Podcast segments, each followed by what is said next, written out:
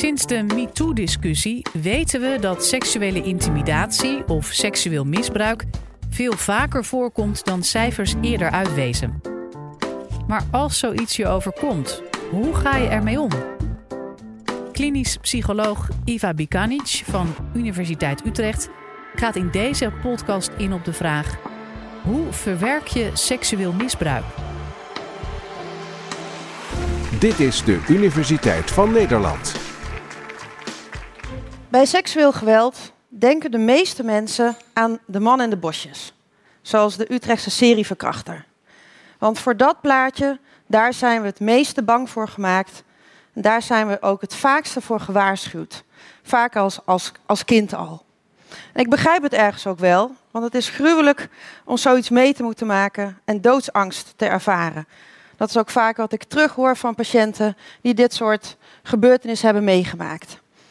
Maar het is niet het type seksueel geweld wat het vaakste voorkomt.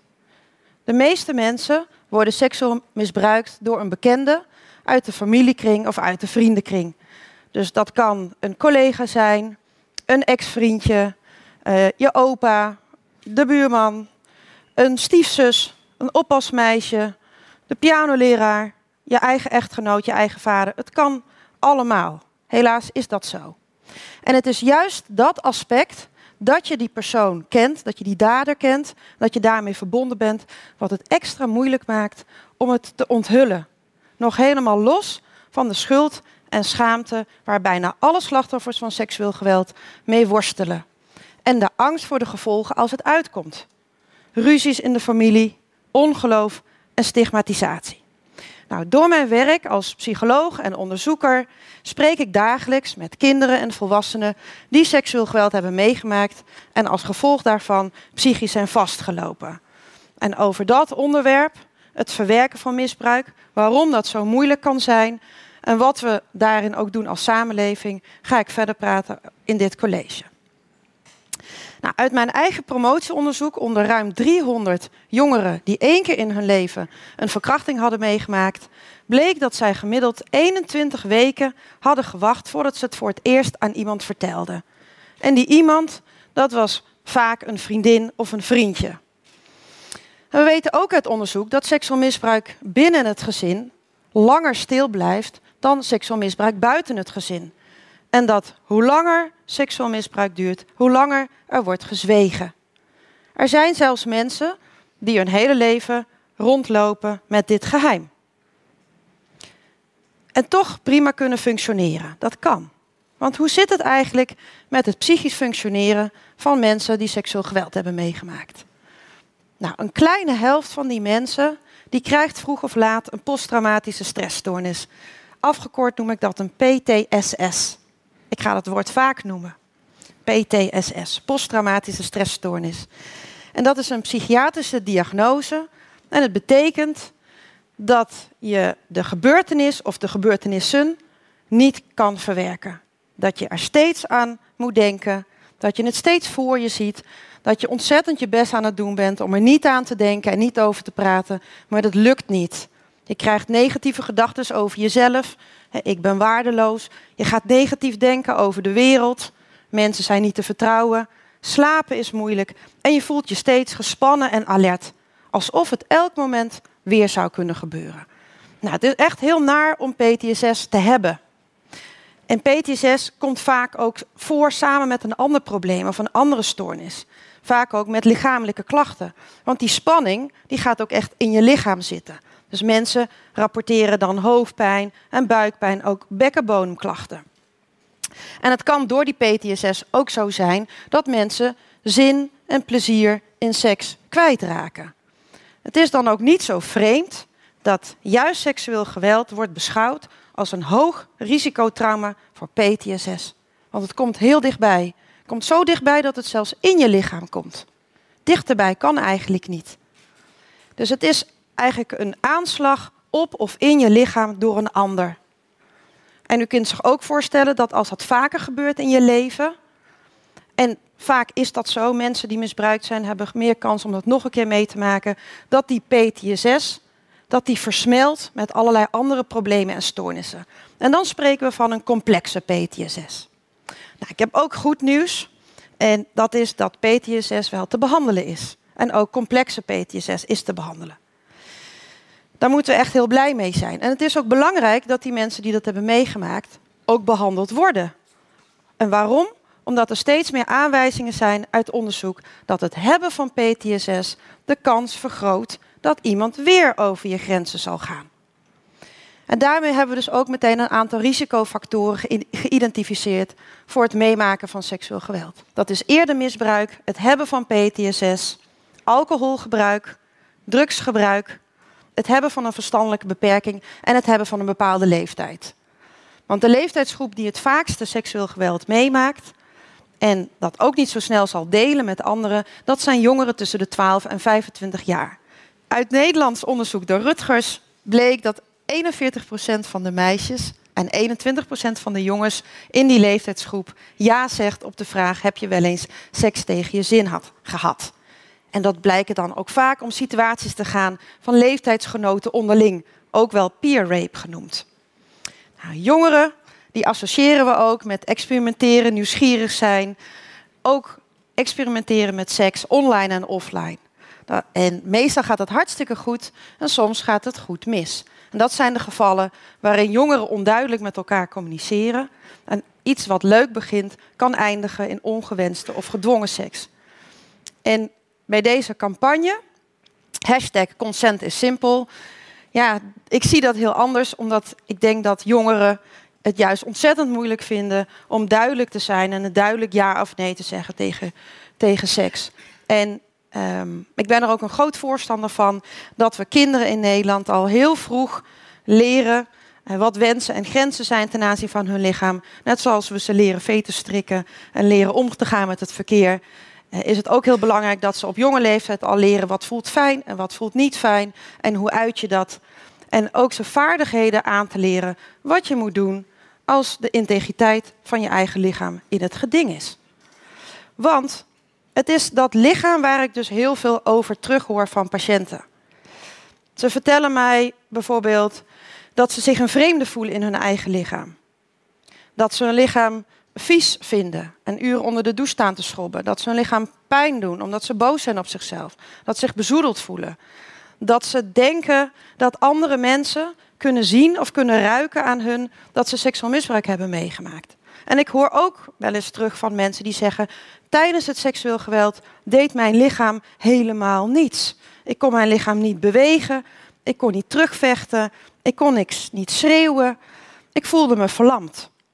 En we kennen dat fenomeen in de literatuur als tonic immobility. En dat is een automatische reactie van je lichaam bij heftige stress of bij grote angst. Een activatie van je biologische stresssysteem. En we weten ook dat tonic immobility een voorspeller is voor PTSS. Nou, diezelfde extreme stress, die hevige stress, maar ook seksuele prikkeling, kan ervoor zorgen dat tijdens seksueel geweld jongens en mannen een erectie krijgen of zelfs een ejaculatie kunnen krijgen. En daardoor, zeker als je dat niet deelt met anderen, raken mensen, jongens en mannen, in de war. En een deel van hen gaat dan ook dus twijfelen over hun seksuele geaardheid. En daarom vind ik het heel belangrijk dat jongens en mannen die seksueel misbruik hebben meegemaakt, uitgelegd krijgen dat die genitale respons een automatische reactie is van je lichaam en helemaal niets zegt over toestemming of plezier. En hetzelfde geldt ook voor vrouwen. Ook vrouwen kunnen vochtig worden tijdens seksueel geweld. Dat noemen we lubricatie. En ook dat is geen bewijs voor consent, toestemming of plezier. Vergeleken met meisjes en vrouwen maken jongens en mannen minder vaak seksueel geweld mee. Maar als ze het meemaken, hebben ze veel meer risico op PTSS. Alleen in de hulpverlening zien we ze bijna niet. Helaas. Ik zou willen dat dat anders is. Het heeft denk ik ermee te maken dat ons eigen beeld, het stereotype beeld van mannelijkheid, mannen zijn stoer, seks is leuk, dat dat die jongens en mannen tegenhoudt om hulp te vragen. En ik heb een jonge acteur gevraagd om na te spelen hoe het is als je net gedwongen bent tot orale seks met een volwassene. Toen ik thuis kwam ben ik meteen naar boven gelopen en heb ik denk ik wel een uur onder de douche gestaan. Het voelde gewoon vies. echt vies. En je voelt je alleen. Heb ik mijn moeder verzameld en heb ik mijn ouders verteld. Dus toen zijn we naar de politie gegaan. Lang douchen en zo snel mogelijk vergeten. Dat is wat de meeste mensen die net een aanranding of verkrachting hebben meegemaakt, willen doen en waarschijnlijk ook zullen doen. En ik begrijp dat ook. Het is heel invoelbaar. Je wilt het gewoon zo snel mogelijk van je afspoelen. Maar het is ook ontzettend zonde als je je bedenkt, als je weet dat dus in die eerste zeven dagen, direct na het meemaken van seksueel geweld, unieke kansen liggen voor preventieve zorg en het veiligstellen van sporen. En dan hebben we het bijvoorbeeld over sporenonderzoek, letselduiding, het geven van medicatie tegen besmetting met SOA of HIV.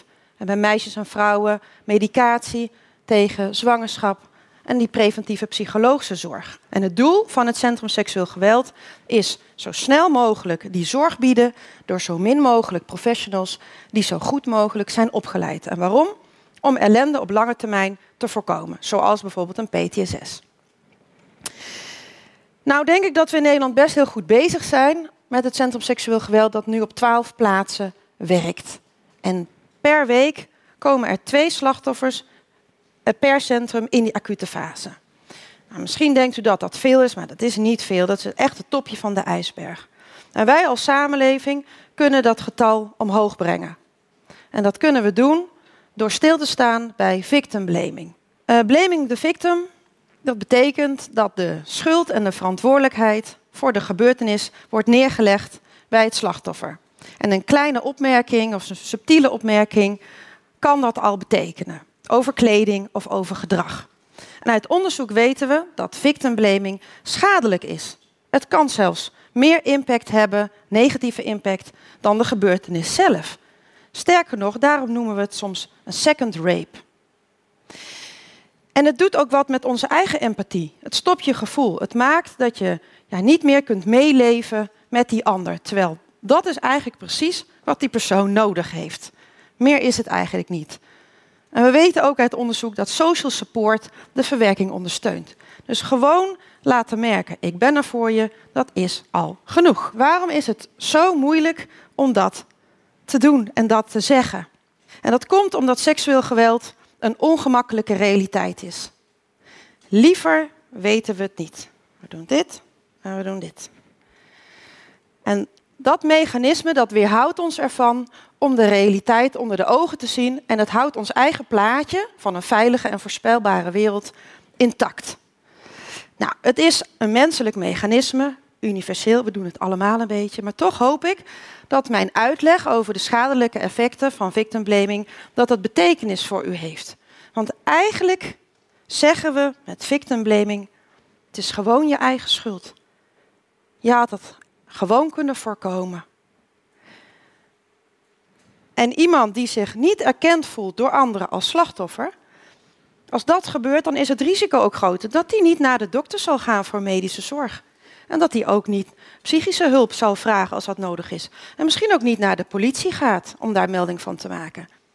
We moeten er dus met elkaar alles aan doen om mensen die vast zijn gelopen psychisch ook in contact te brengen met traumabehandelaars die dat kunnen doen. Er is namelijk heel veel op de markt. Als je gaat zoeken op internet naar hulpverlening, naar misbruik, dan struikel je erover. En niet alles is goed, niet alles werkt. En slechte hulp kan er ook toe bijdragen dat mensen niet herstellen en het moeilijk vinden om te verwerken. Dus die goede hulp, die traumagerichte behandeling, EMDR of cognitieve gedragstherapie, is belangrijk dat we dat weten. En dat vraagt, zal ik eerlijk zeggen, om dappere patiënten en moedige behandelaars. En ik weet dat die mensen er zijn. En ik hoop dat dit college degene die nog aarzelen stimuleert.